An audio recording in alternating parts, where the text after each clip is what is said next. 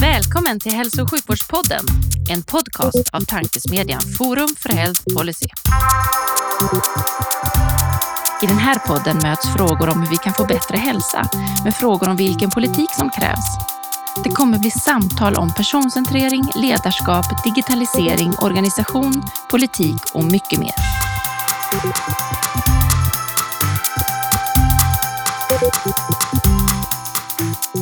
Välkomna till Forum för Health Policys hälso och sjukvårdspodd. Forum för Health Policy är en oberoende tankesmedja som syftar till att driva på innovation och utveckling i hälso och sjukvården och omsorgen.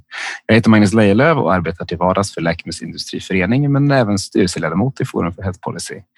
Eh, och vid min sida sitter Livia. Precis, som vanligt Livia Holm, också styrelseledamot i Forum för Health Policy och till vardags policychef på Kry. Och idag har vi förmånen att ha med oss en sjukhuschef från VGR med erfarenhet från såväl Stockholm som Förenade Arabemiraten. Vi ser således fram emot ett samtal med många olika perspektiv, vilket ju är lite av den här podcastens röda tråd. Varmt välkommen Bobo Hallberg. Tack så mycket. Och vi börjar återigen som vanligt eh, podden med en faktaruta. Vilket tycker du är det bästa sjukvårdssystemet i världen och varför? Det är en svår och bra fråga, men jag tycker nog att vi har ett av de bästa sjukvårdssystemen i Sverige. Och det bygger på att vi fokuserar på eh, att få ut mycket kvalitet från det vi spenderar. Så att vi får ut hög kvalitet till en rimlig peng kan man säga. Sen finns det mycket som man kan förbättra, men vi har ett väldigt bra system. Ett bra svar. Det är också intressant att de som brukar säga det kommer från VGR. Så det måste vara något extra speciellt i, i Göteborg. Ja, jag, jag, är precis nykommen hit. Jag har varit här en månad nu. Så att, eh, men jag kan ju titta tillbaks på, på en, en lång karriär eh, i Stockholm och sen några år nu eh, utomlands. Om vi tar fråga två då. Vi återkommer till det här med bästa sjukvårdssystem. Eh, vilka är de tre bästa parametrarna att mäta och utvärdera i vården? Och varför då? Jag tycker man måste utgå ifrån patientens upplevelse av det som vi eh, levererar, det vill säga eh, blir det vi gör faktiskt bra för patienten och på det sätt som patienten hade tänkt sig. Så det måste vi mäta. Och sen eh, en annan parameter som är viktig är också var patienten delaktig i, i de besluten som förde fram till det här utfallet. Och sen tredje men inte minst viktigt, har vi rätt processer, alltså eh, då tänker jag utveckling, innovation och eh, medarbetardelaktighet. Det blir egentligen tre saker vi mätte där. Men med vårt egen processorganisation internt och de olika delarna av det. Spännande. Hur, hur, hur, skulle du mäta, mäta den sista till exempel på ett bra sätt? Delaktighet kan man ju mäta eh, på flera olika sätt, men det gäller ju i, vi är i en sån stark förändringsresa inom hälso och sjukvården eh, och framför allt i Sverige. Vi går ju före i många delar och det gäller att se till att man vet och känner till att man har sina medarbetare med sig. Det finns flera olika instrument, men ett sätt att, att mäta det är ju faktiskt bara att gå rakt ut och fråga. Eh, så idag till exempel har jag på mig gröna sjukhuskläder för jag har just varit ute och träffat två kliniker och haft de här samtalen. Eh, för mig handlar det om att, att försöka komma så nära med örat som möjligt. Eh, det beskrev ju Shakespeare redan i, i Henrik V att, att ja, det gäller att försöka få den informationen. Så att ja, det är mycket av min ledningsfilosofi. Mm. Bra! Shakespeare-citat redan på andra frågan. Det känns grymt bra. Ska du skjuta vidare, Livia? Absolut, och det där eh, gillade jag också. Enkelheten, man kan ju fråga. Eh, och då eh, kommer vi eh, osökt in på fråga nummer tre här i eh, faktarutan. Har du två medskick till de som jobbar med att utveckla svensk hälso och sjukvård? Förutom att fråga då kanske. Jag gillar ju eh, Eh, Eh, personcentreringen eller familjecentreringen, det vill säga utgå ifrån det som eh, patienten behöver. Ta reda på det.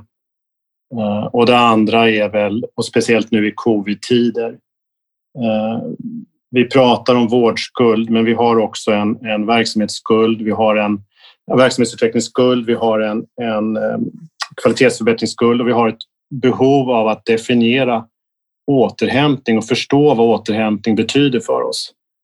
Så nu när vi ska skruva upp temperaturen på och beta av den vårdskuld eller det behov av sjukvård som finns så måste vi göra det i balans. Så mitt medskick är väl att till, till politiker och eh, beslutsfattare på det sättet att försöka förstå den balansgången för den är inte så himla enkel. Har du några tips på hur de kan göra det på ett bra sätt? Jag försöker där jag befinner mig just nu att, eh, att hitta den balansen. Jag har inte nyckeln till det ännu men, men, men eh, att lägga ut en, en mall där man operationaliserar återhämtning. Dels komma överens med eh, i organisationen om vad, vad, vad betyder återhämtning för oss här där vi befinner oss. Det ser lite olika ut men jag tror att alla känner en, en, en trötthet och en oro. Så komma, komma överens om definitionen och sen dessutom efter det göra en handlingsplan som utgår ifrån eh, fakta kring återhämtning. Det finns ju flera eh, bra forskningsrapporter om hur man återhämtar sig från olika typer av verksamheter som har varit i, i, i lång eh, press. Och vi har ju varit i både stress och press eh, och i höga eh, vi har befunnit oss i förstärkningsläge och stabsläge under långa tider som man aldrig sett i sjukvården förut. Så det behövs det är en tredelad del. Det är individens eh, återhämtning, det vill säga förstå individens behov. Det är verksamhetens återhämtning och där tänker vi att vi lägger in paus eh, kopplat till om det går beroende på tredje vågen, sommarsemester. Och sen den sista delen handlar ju om riktade arbetsmiljöinsatser och det kan ju vara riktade till olika verksamheter ta ett mer systemperspektiv på det. Så en tredelad del jobbar vi på här eh, och försöka ta fram. Eh, ja. Bra. Vi tar den sista frågan i eh, faktarutan innan vi går, hugger vidare där, för det lät spännande. vill man veta mer om. Berätta din finaste patientanekdot. Det finns så många. Jag är neonatolog i botten och barnläkare, eh, men jag har det, man tar med sig många minnen och ett som jag kan dela med mig av är väl... Jag jobbade som transportläkare och Eh, flög till ett länssjukhus och hämtade en svårt sjuk patient. Och eh, vi flög tillsammans, jag och eh, min sjuksköterska i team och tog med oss föräldrarna på planet. Och jag fick för ett tag sedan en, ett julkort nu flickan överlevde och är flera år gammal. Och då så stod vi där på, i det här lilla barnrummet så fanns det en liten Eh, ram och där var jag och min eh, IVA-sköterska med och det kändes väldigt, väldigt bra. Eh, den tacksamheten och den, ja, det gjorde skillnad för den familjen att vi kom just den dagen. Det kunde ha varit någon annan som kom, men just det råkade vara vi och, och det kändes ju otroligt bra. Oh, Nej, fint. Vi ställer den frågan till alla och vi får de mest engagerade svaren rör nästan alltid barn och barn eller död. Men det, och det säger väl något om att livet liksom i början och slutet är ännu känsligare. På, är man barnläkare så är det naturligt att man pratar om barn. Absolut, även om man är förälder. Ja. Eh, vi ska ta oss därifrån. Så eh, du har nämnt det lite, men vad är din roll idag och vad, vad innebär det? Idag jobbar jag som eh, sjukhusdirektör, förvaltningschef för Södra Älvsborgs sjukhus eh, i VGR-regionen. Så vi ansvarar för ungefär en femtedel av, av den vård som bedrivs i VGR och jag sitter i koncernledningen tillsammans med de andra förvaltningscheferna. Vi har två sjukhus, ett i Borås och ett i Skene och sen har vi ett antal öppenvårdsmottagningar och vi har all typ av sjukvård från eh, förlossning och, och neonatal till ortogeriatrik, psykiatri och eh, ett full, fullt sjukhus som erbjuder all typ av sjukvård. Mm. Och du berättade att du är ganska ny i rollen. Hur, eh, hur hamnade du i rollen du har nu? Vad har du gjort eh, tidigare? Ja, jag kom ju hit från att ha varit i Förenade Arabemiraten under ett par år nu och jobbat för GHP. Dit rekryterades jag som sjukvårdsdirektör för barn och kvinnosjukvården och sen så jobbade jag som vice VD för de fyra sjukhusen som GHP driver där. Och i somras så hörde de av sig till mig och undrade om jag ville komma hem till Sverige igen och det passade ganska bra.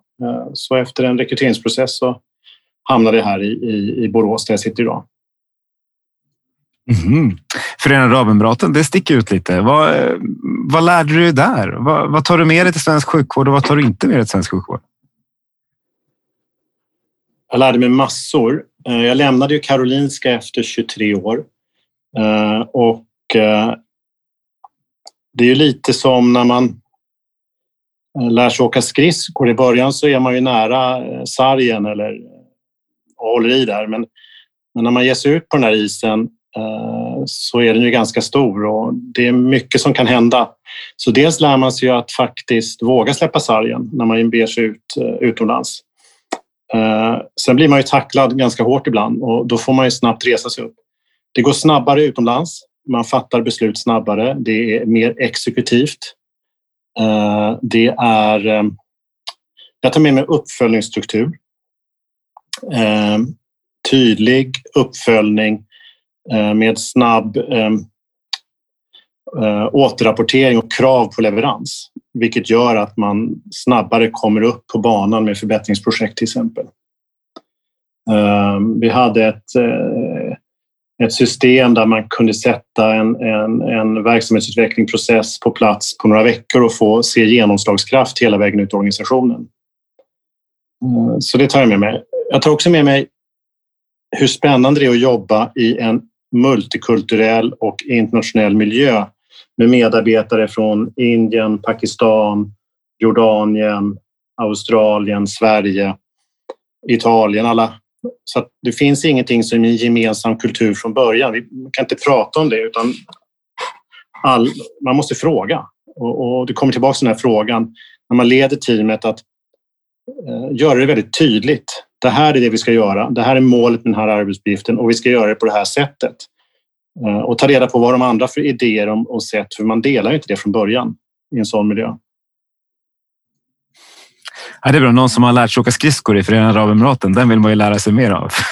ja, eh, det finns faktiskt eh, skridskobanor på lite olika sätt. En av de mest härliga, den ligger på Jebel Jais. Det är det högsta berget och högst upp på det berget så finns en liten skridsporink. Där man kan låna skridskor när man kommer dit. Så att det är utomhusskridskor året runt. Vad häftigt! Så trodde jag att jag drog ett skämt och så kom det plötsligt en vacker bild av ett berg med en, med en isring på upp. Det är, det är så man vill att det ska vara. Du, eh, ett 20-talet år på Karolinska, vad, vad ägnade du åt där?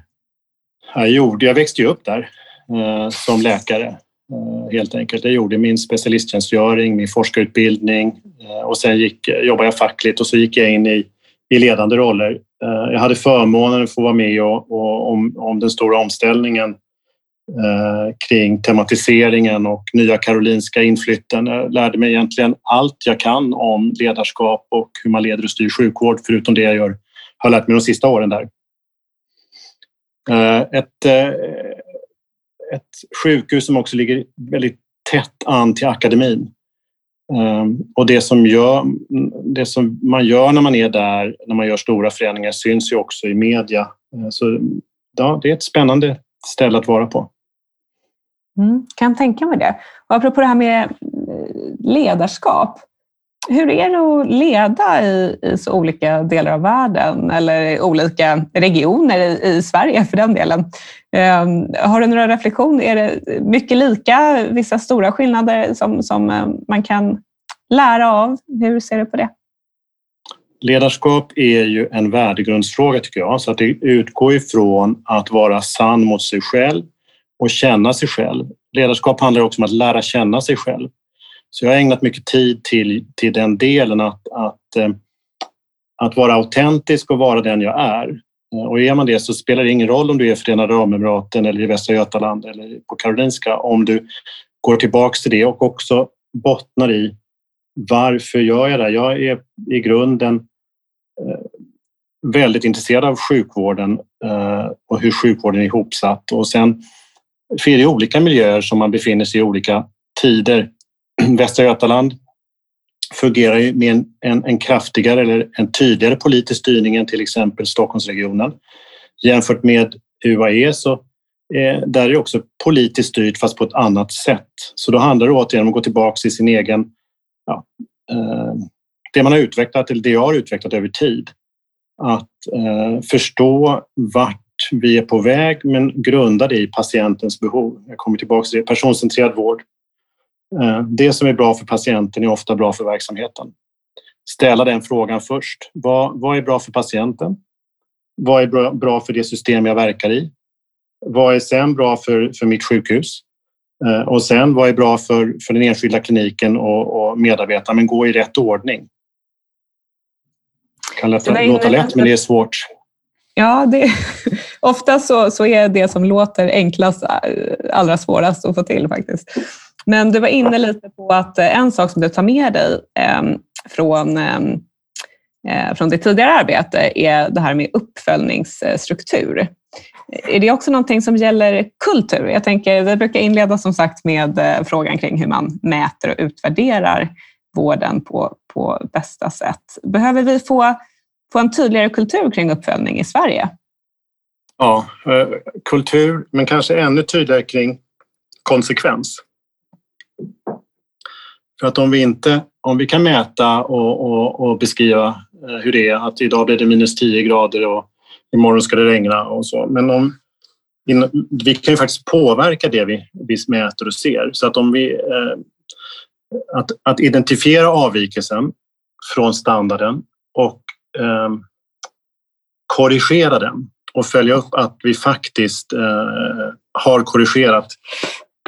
Jag sa häromdagen, och jag, jag liknar sjukvården vid en väldigt trögrörlig farkost.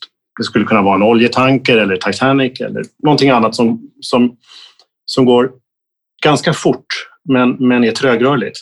Och då måste man ofta korrigera kursen för att inte hamna så fel och det är väl så det är. Man måste finjustera. Det är inga stora, det behöver inte vara stora utslag för då funkar det inte. Men, men var där och som ledare se till att det kommer åt det håll man har tänkt sig.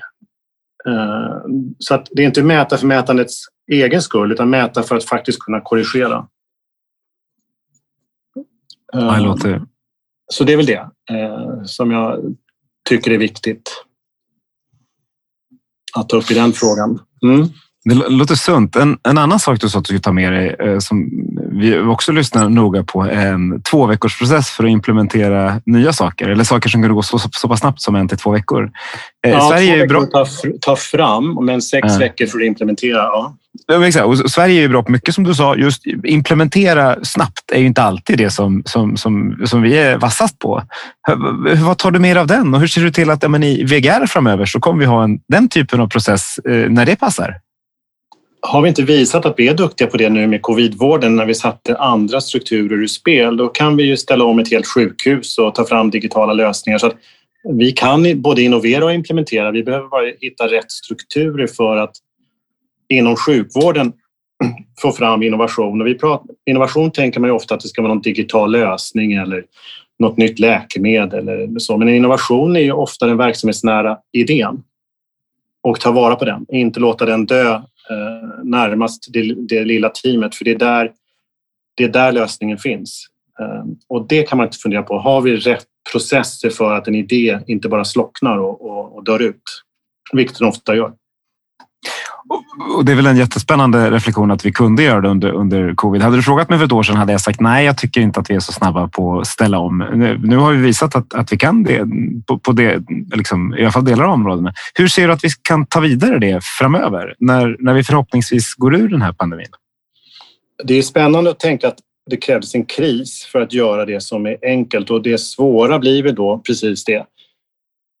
Hur tar vi vara på de här eh, sakerna som vi har lärt oss och paketera dem i system. Eh, och dels är det en dialog tror jag, men det krävs också förändrade arbetssätt i grunden. Eh, till exempel det jag har sett som man har gjort här och det som vi gjorde i Förenade Arabemiraten också, det är att tillsätta man kan kalla det för beredningsgrupp eller taskforce, men tillsätta grupper som får mandat att besluta i det mandat de har, inte, inte mikromanagera. Kalle, Lisa och några andra får ett uppdrag, eh, går ut och gör, förändrar, återkopplar hur det går, men får jobba eh, ostört i den frågan. Mellan olika hierarkiska nivåer, eh, mellan olika professioner och gärna tillsammans med patienten. Det är väl det jag ser framför mig. Agilt ledarskap helt enkelt. Mm. Jag läste en artikel från där du intervjuades inför att du skulle tillträda din nya roll här. Och, och där säger du bland annat att du brinner för att utveckla kvalitets och kunskapsstyrd sjukvård med patienten i centrum samtidigt som hållbar ekonomisk utveckling och den goda mm. arbetsplatsen. Det låter ju fantastiskt och ganska svårt någonting som alla skulle vilja eh, kunna leverera på. Eh, jag blir nyfiken, ett, hur gör man det? Men, men framförallt kanske, vad ser du som, som ehm, mest utmanande i att, att kunna eh, driva den visionen vidare i, i, den kontexten du befinner dig i? Mm. Fördelen med intervjuer är att då kan man ju säga det man vill säga, så det är bra. Om vi börjar hållbarhetsbegreppet så tycker jag att om man tar det utifrån FNs globala mål eh, och så sätter man in eh, sin verksamhet i dem så, och, så går det ganska lätt att hitta Eh, vad god eh, hållbar hälsa och sjukvård är. Ehm, hållbar ekonomi handlar ju om, för mig, att ehm, tänka att det som är satt att förvalta, för jag är förvaltningschef i en offentlig uppdrag, så jag är satt att förvalta 4 miljarder eh, ungefär. Och då gäller det att hitta ett hållbart sätt att göra det. Det är inte hållbart att, att tänka att jag har 4,5 miljarder, utan det är 4. Och, och sen får vi prata i verksamheten om hur eh, förvaltar vi det på bästa sätt och då tvingar det fram nya arbetssätt. Eh, men vi ska inte leverera mindre vård, vi ska leverera mer vård för samma pengar. Så det handlar om att på riktigt tänka om.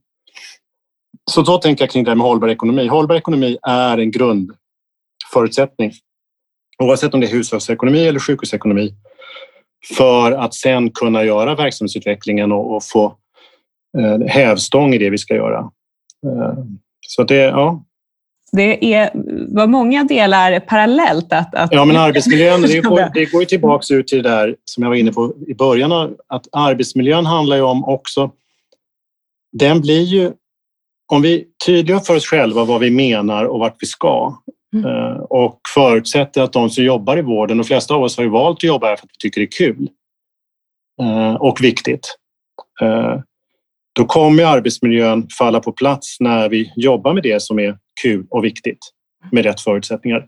Det är den där, det är när vi klyvs i, i det som in, när det inte går eller resurserna inte hjälper till, räcker till eller vi hamnar i etisk stress som, som händer nu med covid. Mm. Och det, är, det är ett sätt att förhålla sig till sin, till sin omvärld också. Mm. Sen matas vi ju varje dag i media kring eh, många olika världsbilder. Och det är inte säkert att den världsbilden som just nu målas upp är, är den verkliga, utan det får man ju också ha en dialog kring. Mm. Och då kommer vi tillbaka till, till hu, huret. Huret är att skapa en miljö där det är, är precis som hemma. Det är, man kan diskutera allt det är högt i tak och, och, man kan ha olika eh, uppfattningar men vi har ändå ett mål eh, när vi driver den här verksamheten framåt. Och vad är mest eh, utmanande i, i eh, din nuvarande roll kopplat till det här?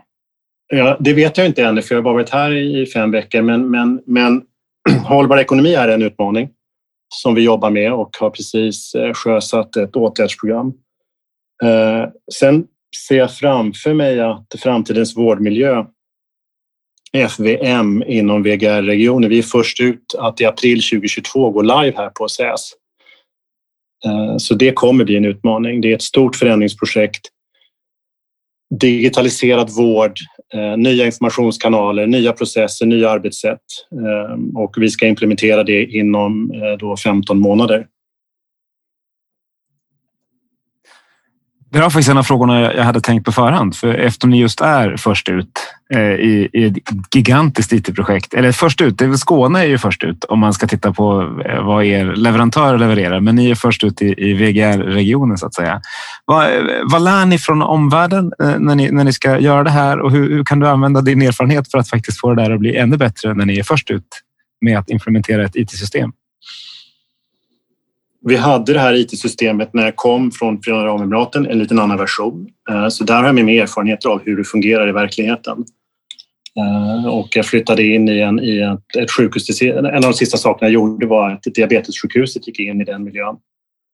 Ehm, det är ett stort förändringsprojekt av hur sjukvården fungerar.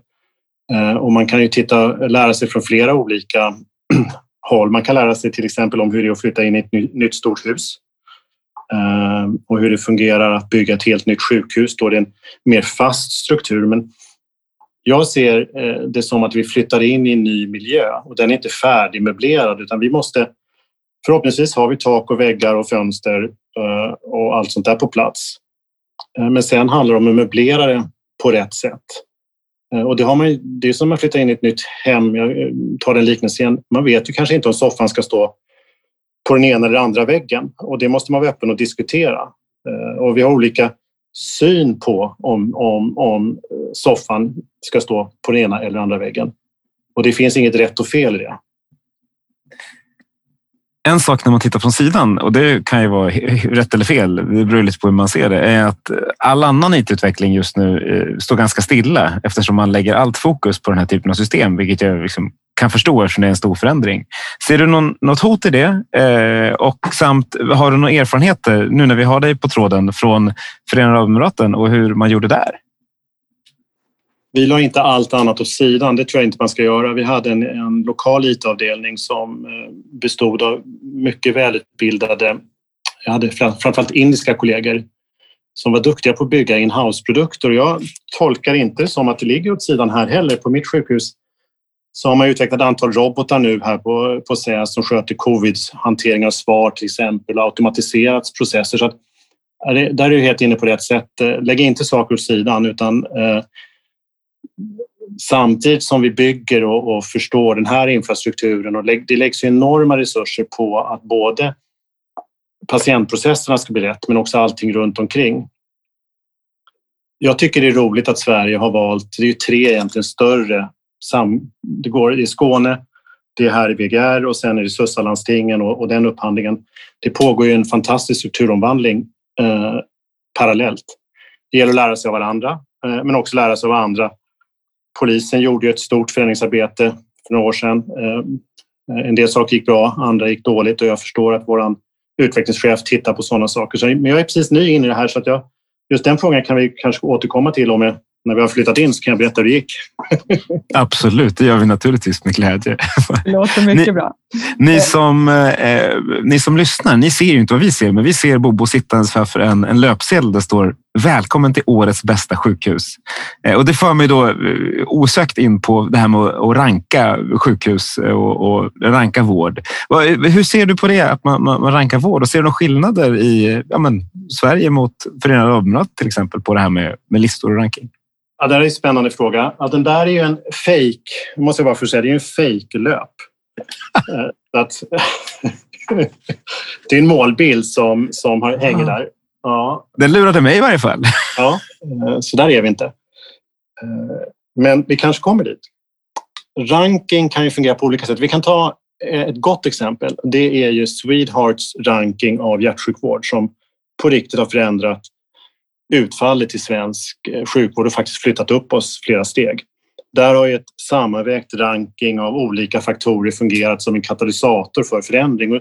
Om man tar ranking på det sättet så fungerar det ju bra. Eh, ranking kan ju också skapa stolthet i en organisation. Just nu befinner sig SÄS på sista plats i AT-rankingen eh, av alla sjukhus i Sverige.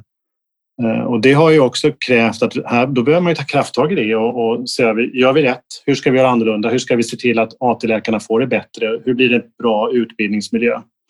Så jag, har inget, jag tycker ranking är bra om det är rätt parametrar som går in i det och att man tar det på rätt sätt. Det ska inte vara kopplat till en ersättningsmodell, för då kan det hamna fel. Eh, men, men som ett um, en katalysator till att fundera på hur man gör med sin egen verksamhet. Absolut. Eh, nere i Förenade Arabemiraten eh, på GOPs sjukhus så ersattes vi utifrån 128 KPI och ett antal deliverables som var en del av hur man får betalt. Eh, och då, då, är det ju, eh, och då blir det audit på det. Jag tycker audit är någonting underskattat. Eh, i, vi, internådigt där man faktiskt går igenom, man kan ha en extern som kommer in och säger, ställer tuffa frågor för det är också ett bra sätt att, att eh, pressa fram förändring. Eh, att, eh, inte bara acceptera att det blev som det blev utan faktiskt okej, okay, det blev så här därför att vi gjorde så här och nu kan vi göra annorlunda. Men det, det är min... Nu har jag varit i den här miljön i, i två och ett halvt år så det, det är så jag ja, ställer mig till det nu. Förutom att man reagerar positivt på orden audit eh, är något positivt, så, det, hör man, det är inte alltid man hör det. Så 128 sa du eh, parametrar att mätas på. Är det lagom många? Det låter ganska mycket när man hör det så här ja, från sidan. Om du frågar den förra kvalitetschefen eh, så tyckte nog han att det var väldigt mycket att hålla reda på. Men det var mycket, men det var en blandning av bra saker som väntetid på akuten och, och svar från eh, tid till man tog hand om prio 1 till kanske andra saker som inte alltid var helt meningsfulla. Men, men många saker var bra. Till exempel en sak var, som jag också tar med mig, patientsäkerhetsfrågan. Man har 48 timmar på sig efter en allvarlig händelse att eh, ha en handlings, alltså åtgärder som direkt förhindra att det upprepas på en gång. Sju dagar på sig att göra en eh, internutredning och sen har man eh, 30 dagar, här framme, det är 28 dagar för att göra en fullständig händelseanalys. Så att det skulle göra att en lex Maria i Sverige skulle vara omhändertagen på mindre än en månad. Eh, och det är ganska rimligt, tycker jag, tid för en så allvarlig händelse som, som ska falla under en lag. Och i Sverige vet jag inte, men, men jag, min förra verksamhet så jobbade vi oss ner från en halvårs handläggningstider. Eh, nu vet jag inte vad det ligger på här på SÄS, men men att korta den handläggningstiden för att eh, säkerställa patientsäkerheten, det är också en bra sak att mäta och faktiskt styra på. Du var inne på det där med, med uppföljning och att eh, dra eh, lärdom från de uppföljningarna man gör igen. Eh, jag blir, blir nyfiken. Ibland när vi pratar, ställer den där frågan om eh, vad man ska mäta och hur man ska mäta och vad som är viktigt, eh, så, så får vi inputen att har man för många saker man mäter, då är det lätt att man tappar bort sig där och inte gör så mycket av eh, eh mätningarna i sig. Var man bättre eh, på att också ta tillvara på lärdomarna från de här olika eh, måtten som ni följde? Gjorde man det på ett annat sätt än, än vad man gör i Sverige generellt sett? Varje verksamhetschef eller enhetschef eller individ hade. Så de här 128 kopiorna de var utdelade på en kopiägare. Mm. Så att i en, menar, här är vi drygt 4 000 anställda på, på, på SÄS.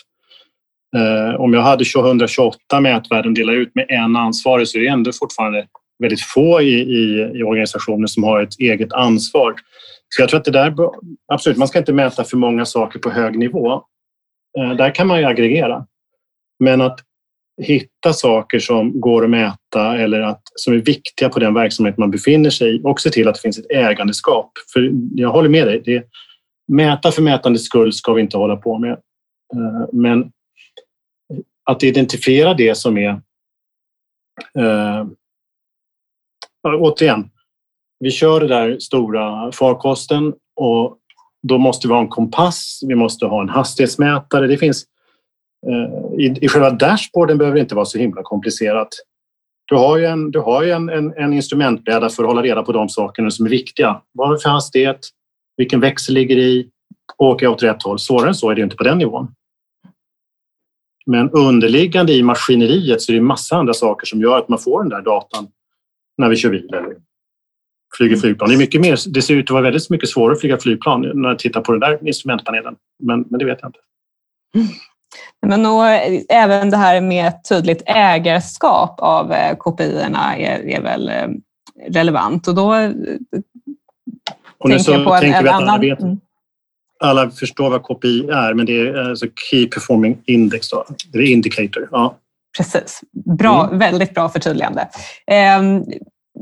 Kring det här med ägarskap och du var också inne tidigare på tydliga beslutsstrukturer. Är det någonting som du ser att vi skulle behöva bli bättre på i svensk hälso och sjukvård? Det är nästan en ledande fråga, mm. Eh, men eh,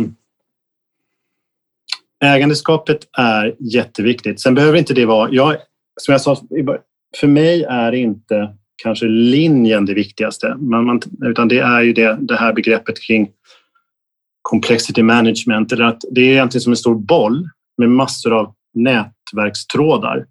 Men att man, och därför är det bra att placera ut ett ägandeskap någonstans i den där bollen.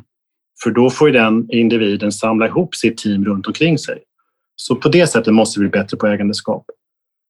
Eh, vem är responsible? Vem är accountable? Vilka är de runt omkring som man behöver ha koll på? Ja, använda Raskin-metoden till exempel. Det funkar ju bra i sjukvården. Men det behöver inte vara så att det är verksamhetschefen eh, som ska hållas...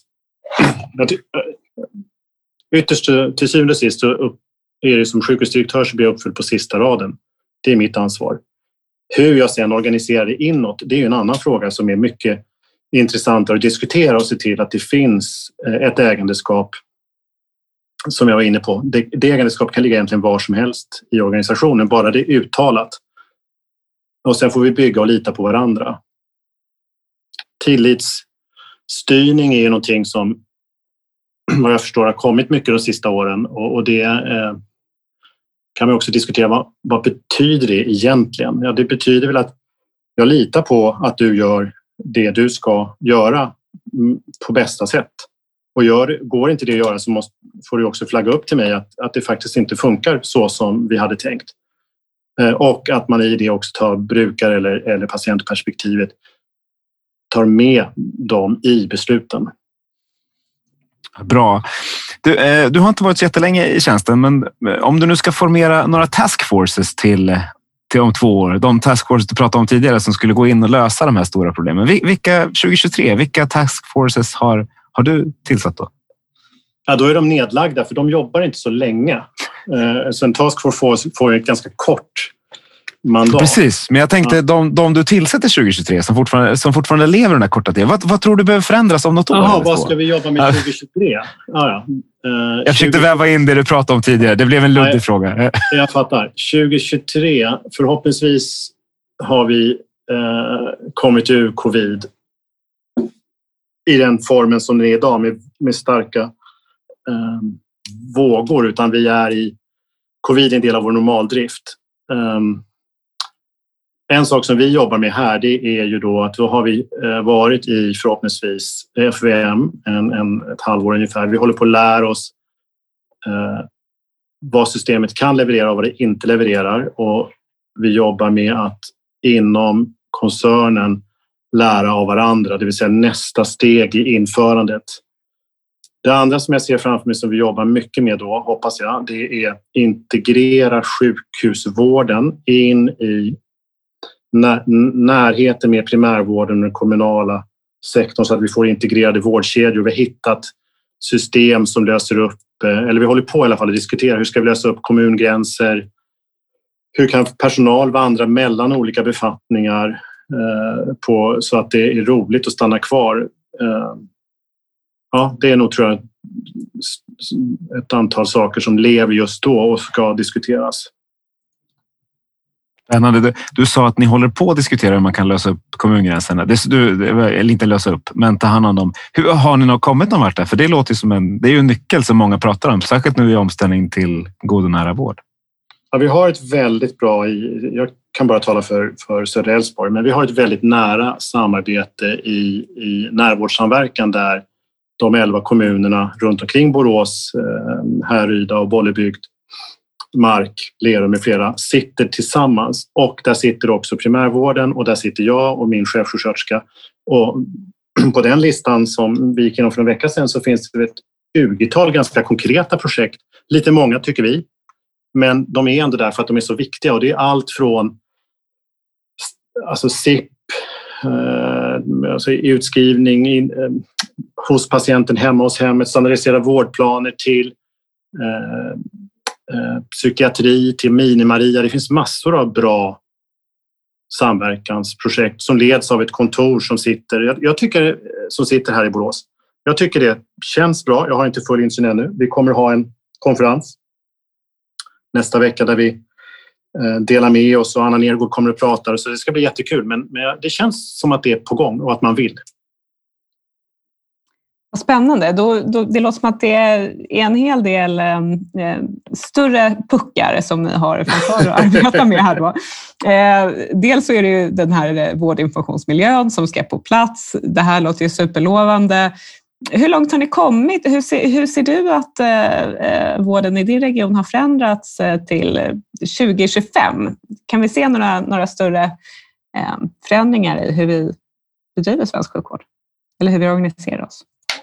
Jag tror att vi har lärt oss då att eh, det här som jag är inne på, samordning. Eh, det det inte viktigaste är inte egentligen hur vi organiserar oss i förvaltningar, hur vi beställer vård. Eh, så att jag hoppas att 2025 så är det ett system som är samordnat mellan förvaltningsgränser. Så att man, till exempel kan man ju tänka sig att man fördelar eh, vård utifrån kapacitet över större geografiska områden. VGR är ju bra på det sättet för det är en, en väldigt stor region med ett sammanhållet system men det behövs accelereras om det ska fungera.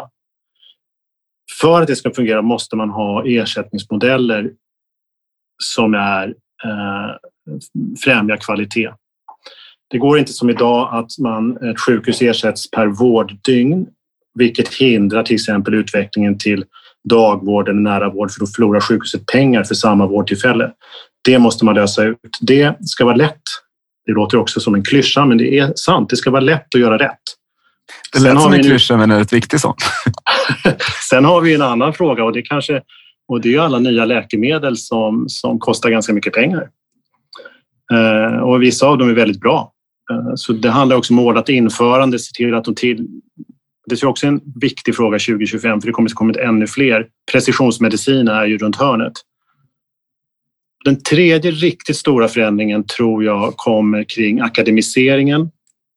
Eh, akademi i nätverk, utbildning i nätverk istället för att koppla till den förändringen har ju redan påbörjat i Stockholm men och kommer väl, eh, man kommit långt i Norrland också men att, att eh, universitetssjukhusen är ju en geografisk plats från början. Det är ett sjukhus. Det, eh, Eh, men egentligen är det ju inte ett hus utan det är ett nätverk, ett system. Eh, och det kommer vi också se en accelerera. Hur, vi kommer börja tänka om att sjukhus är någonting dit man åker när man är sjuk. Eh, utan det, och där är det svenska ordet lite missledande.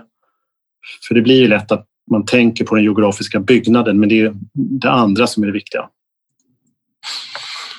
Jag, jag reagerar alltid när någon säger att läkemedel är dyra, och det, för det kan de ju verkligen vara. Det är ju inget snack om den saken. Men det handlar ju väldigt mycket om vilket värde som finns och inte finns. Eh, du pratar ordnat införande. De, kostar, ja, men de, kost, de kan kosta mycket pengar. Oh, det håller jag med om. Jag, verkligen. jag tänkte bara det, ordnad uppföljning. För det är, väl, det är väl det jag hoppas framtidens vårdinformationsmiljö ska kunna ge. Bra hälsodata som svarar på var det dyrt eller var det prisvärt? Eller vad, hur, hur, hur var det egentligen? Vad, vad, vad tror du om det? Precisionsmedicin är ju världens möjlighet och en stor utmaning på samma gång förhoppningsvis, jag hoppas att vi vet uh, ur ett hälsoekonomiskt eh, perspektiv, så när vi inför så vet vi ju förhoppningsvis uh, vilken uh, effekt det har på hälsan.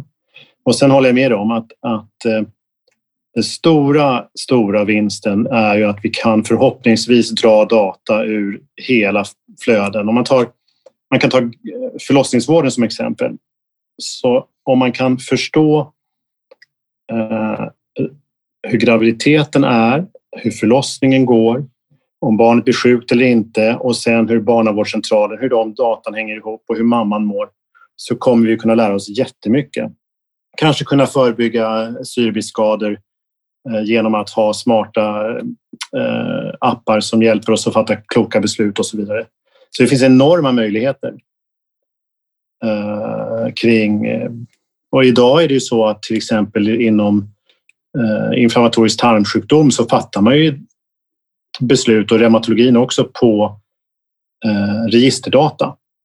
Så man matar in dem i, i IBD-registret eller, eller reumaregistret och så eh, vet man vilka läkemedel och hur det går.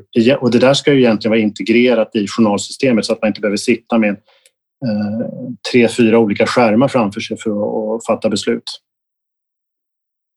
Mm.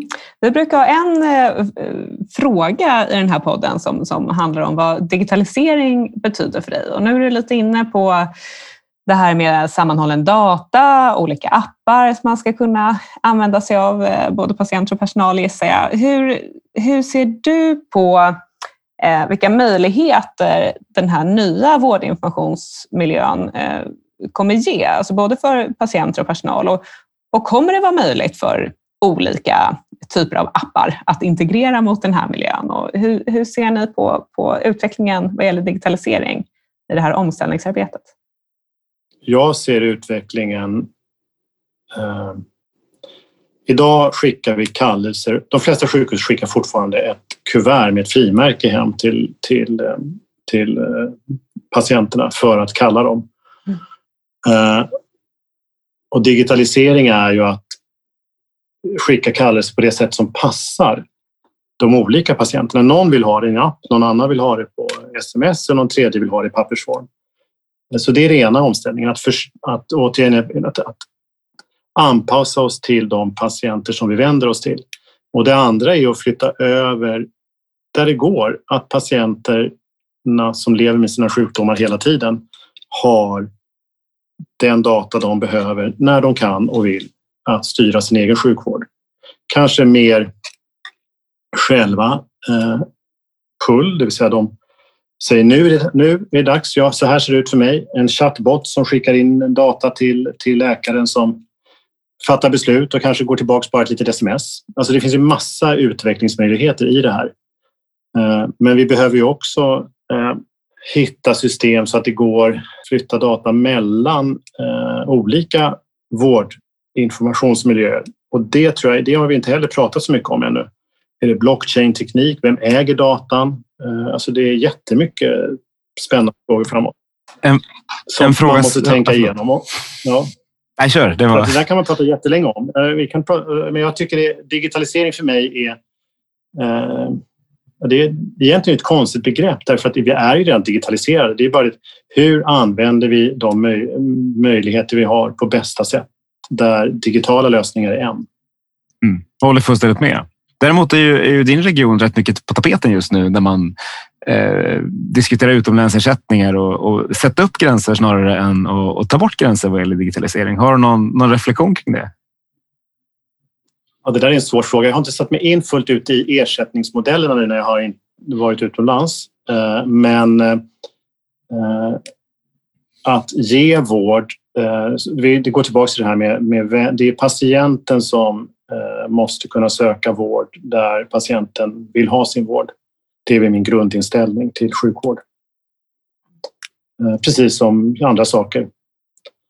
Ehm, så, så rörlig kommer ju... Och framtiden är nog så att det är ännu rörligare. Vi, kommer, vi, är, med, vi är medlemmar i EU och det kommer se ännu rör, alltså, rörligare kommer världen bli.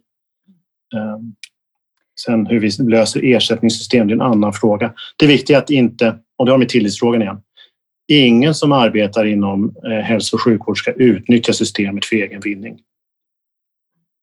Men tillbaka då till eh, den här eh, spaningen att patienter är och, och sannolikt blir ännu mer rörliga och arbetet som ni gör också kring nära vård, komma närmare kommunerna, säker informationsöverföring och så vidare.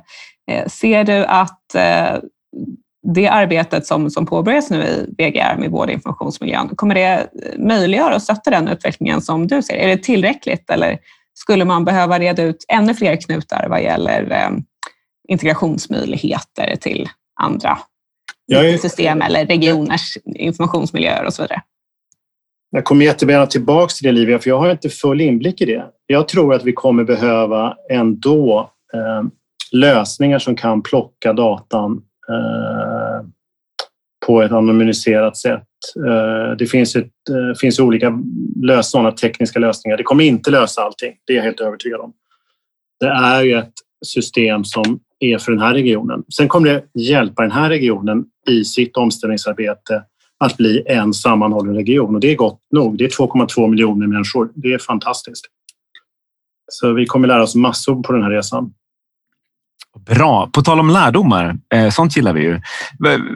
Vi har varit i, en, i ett pandemiår. Du, kan, du har ju varit lite på lite olika delar, olika delar av världen. Men vad, vad har du lärt dig under året med pandemin och vad tar du med dig från det? Vi är inte ur den än, men vi, kan, vi, kan, vi har ju lärt oss lite på vägen. Liksom. Jag har lärt mig personligen hur det är att leva i hard lockdown i månader. Eh, och jag har förstått när jag kom hem hur annorlunda det var att vara i Sverige under samma tid.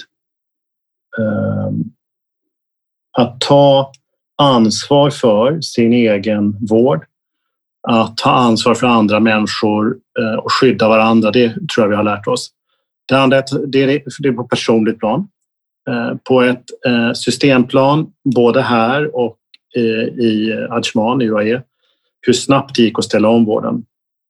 Både här och där. Det är ingen skillnad Eh, med, med, som vi var inne på. Och det går att fatta beslut på ett annat sätt och det går att genomföra. Det ska vi ta med oss. Ehm, det vi inte har lärt oss ännu, som ska bli spännande, det är hur ska vi hantera den vårdskulden vi pratar om? Hur ska vi hantera den uppskjutna vården och tillgänglighetsproblematiken? Det måste, det måste vi lära oss, för det har vi inte lärt oss ännu. Och jag ska in nu i ett möte som börjar om några minuter just för att diskutera detta här i regionen. Regional eh, särskild sjukvårdsledning just för att ta den frågan vidare. Hur ska vi göra nu då? Omfallsplanering, omplanering och så vidare. Men du ser, du, ska, du har möte alldeles strax och snart har våra lyssnare sprungit den här milen eller åkt vad är det, en och en halv på längdskidor. är det något, när du gick in i det här samtalet, var det något du tänkte att det här skulle jag vilja prata om som, som vi inte har berört? Nej, jag känner att vi har pratat om, om, eh, om det mesta. Kanske att jag vill trycka på att det ska vara lustfyllt.